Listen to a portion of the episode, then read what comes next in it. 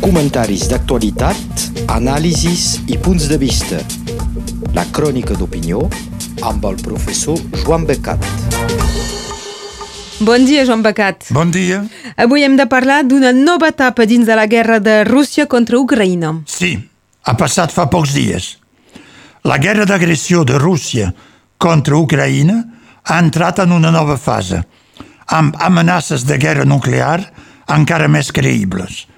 El dictador rus Vladimir Putin va llançar les seues tropes contra el país veí en una guerra que pensava ràpida, ocupar la capital Kiev en pocs dies o setmanes i apoderar-se de tot l'est del territori. La resistència ucraïnesa va impedir que caigués la capital i l'avançada russa va ser frenada. En una segona fase, Putin va retirar les seues tropes del nord i dels voltants de la capital per concentrar-se al sud. És un primer fracàs que va sorprendre tothom, com també va sorprendre que sigui ell tan mal informat sobre l'exèrcit ucraïnès i sobre l'actitud de la població. S'ha vist ara que aquesta deficiència dels seus serveis d'espionatge i d'informació continuen i s'havien agreujat. L'exèrcit rus va adoptar llavors la tàctica de la terra cremada i dels bombardeigs sistemàtics i indiscriminats, com se feia en el front de la guerra del 14-18 fa més d'un segle. Els russos van progressar, però poc, amb moltes pèrdues, ara per ara superior en un any que durant els 10 anys de la seva guerra a Afganistan. Queia la fama del que se pensava el segon exèrcit del món després dels Estats Units. Doncs, l'ofensiva ucraïnesa de fa dues setmanes, per allunyar l'encerclament de Kharkiv, la segona ciutat d'Ucraïna, que era bombardejada quotidianament, ha estat un èxit total, enfonsant les línies russes sobre prop de 100 quilòmetres fins a la frontera i creant un pànic en les tropes russes que fugien o se rendien. Mai s'havia vist. Queia una altra creença, la invencibilitat de l'exèrcit rus i la seva potència. S'ha vist en aquest moment que el seu armament era deficient, tot i que nombrós, que les seues tropes no tenien moral, a l'invers dels ucraïnesos, i que la informació, doncs, és encara més deficient que abans. Com és possible que un estat com Rússia, que té molts satèl·lits espies i informàtics capaços de fer una guerra digital a qualsevol país del món, no hagi vist que s'acumulaven tropes, tancs i camions a Kharkiv per una gran ofensiva. Ha fet evident també que l'alt comandament rus era o bé superat o bé incompetent. El front havia quedat quasi immòbil durant prop de sis mesos. Els russos pensaven mantenir-lo a les portes de Kharkiv durant tot el terrible hivern que s'apropava i que va ser fatal, si recordeu, a les tropes de Napoleó i d'Hitler. Pensaven castigar la ciutat de Kharkiv bombardejant-la durant mesos per fer-la caure a la primavera. I ara han reculat tant que no la poden tocar amb els bombardeigs clàssics, perquè no tenen els famosos canons César o els americans que tenen una portada de més de 50 quilòmetres. Aquesta ofensiva fa aparèixer que l'exèrcit rus tenia a l'evidència un armament antiquat per les seues tropes a Ucraïna, a l'invers de l'exèrcit ucraïnès que servia de banc de proves per l'armament americà, d'últim crit. També té problemes d'aprovisionament, de municions i fins i tot d'uniformes.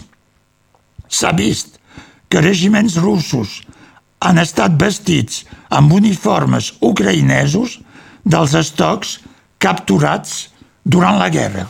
Davant d'aquesta contraofensiva ucraïnesa, Vladimir Putin ha reaccionat. Sí. de, era una bufetada que havia rebut i havia de reaccionar. No ho ha fet militarment, car ara per ara li és impossible, sinó per dues decisions que són l'objecte de tots els comentaris aquests dies a les ràdios i televisions. Fer una lleva de més soldats i annexar els territoris ucraïnesos ocupats. Com ho sabeu, eh, si estan fent quatre referèndums aquests dies, amb una pregunta. Voleu fer part de la Federació Russa?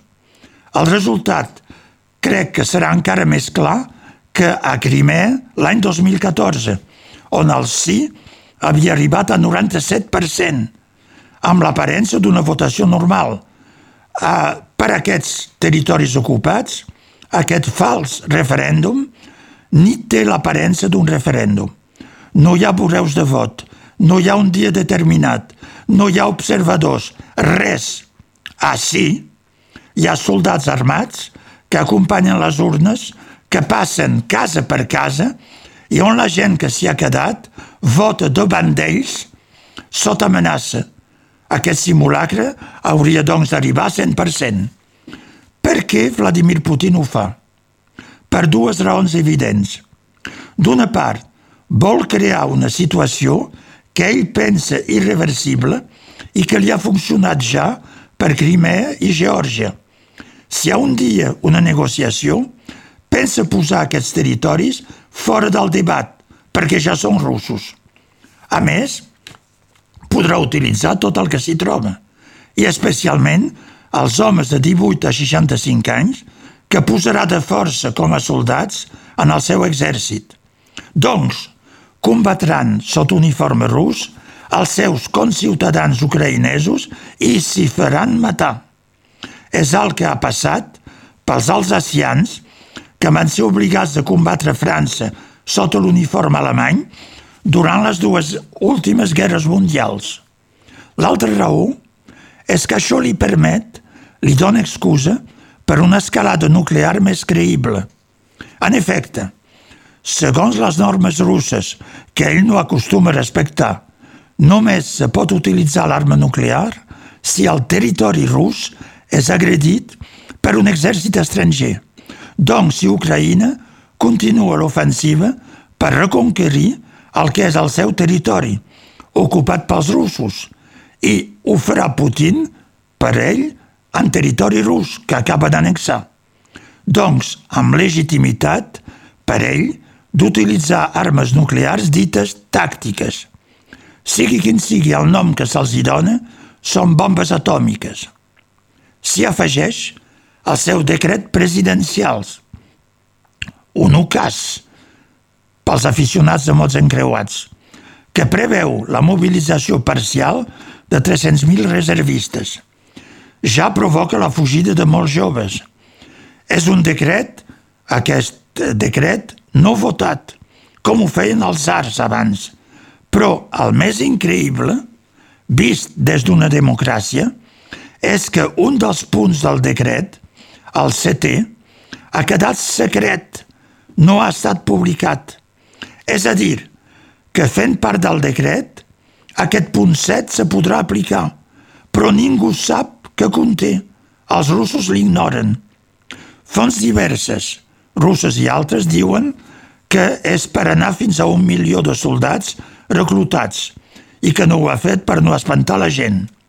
Escalada, doncs, en una guerra que Putin vol a ultrança. Què pot acabar passant amb tot això? Ningú no ho sap realment, però probablement molt malament, per Ucraïna, per Rússia i per tothom. Quines són les perspectives? Són tres. O la guerra continua, s'intensifica i s'endureix encara més, i per temps, o bé hi ha una crisi interna a Rússia i cau Putin, però qui agafa el poder? Els falcons? O bé encara creix la bogeria de Putin i utilitza l'arma atòmica. Fins que, fins quan, ens podem preguntar, els americans continuaran a armar Ucraïna i quan la Xina intervindrà? Aquestes són les preguntes. Ens queden eh, uns minutets per parlar de migracions.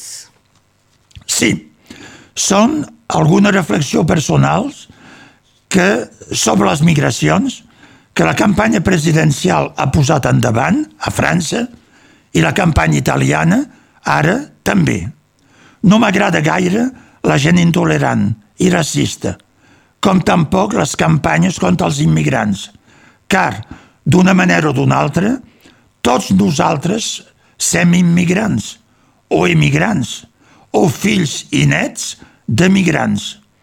Una migració és un desplaçament d'un lloc d'origen a un lloc de destinació i res més.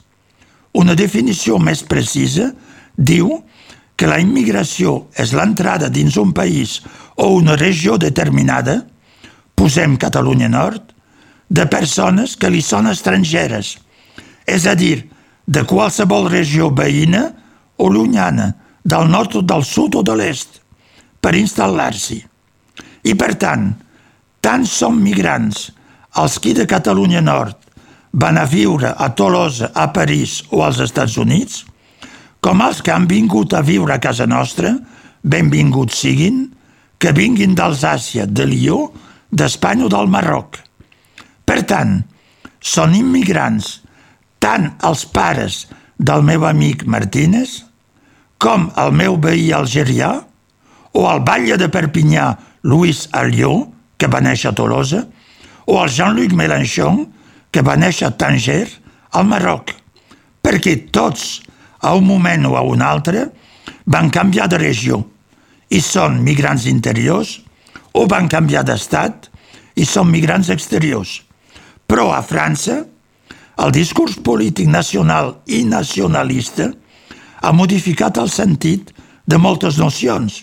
Per exemple, la confusió habitual entre nació i estat, que se consideren a França com a sinònim, quan tothom sap que hi ha estats multinacionals, com els veïns Suïssa, Espanya o Bèlgica, sense parlar del Regne Unit, on hi ha un torneig entre les seves nacions. Aquest discurs nacionalista francès ha penetrat les nocions demogràfiques, especialment les migracions, on se consideren com a immigrants només els estrangers i no els que canvien de regió. Ara bé, en el resultat del cens de població, l'INSEE comptabilitza dins el seu balanç tant la gent d'altres regions com els estrangers. Entengui qui pot. Hi ha darrere tot això com un olor de racisme, de xenofòbia. El trauma de la descolonització marca encara profundament les mentalitats a França 60 anys després. Això me recorda una petita polèmica via la premsa i l'independent, de fa bastants anys.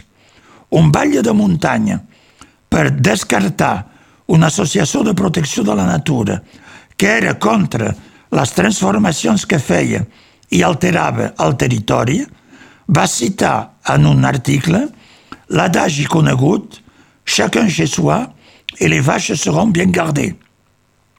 Com que se li va recordar que ell mateix venia de fora, d'una altra regió francesa llunyana, se va enfadar molt, deien que ell no era un immigrat, sinó un francès.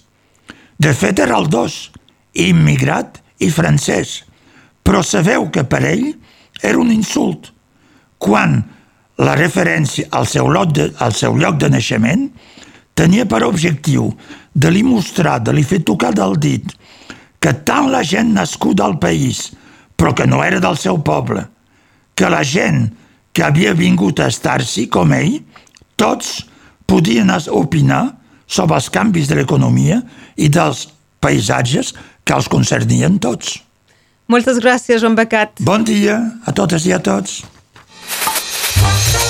Comentaris d'actualitat, anàlisis i punts de vista. La crònica d'opinió amb el professor Joan Becat.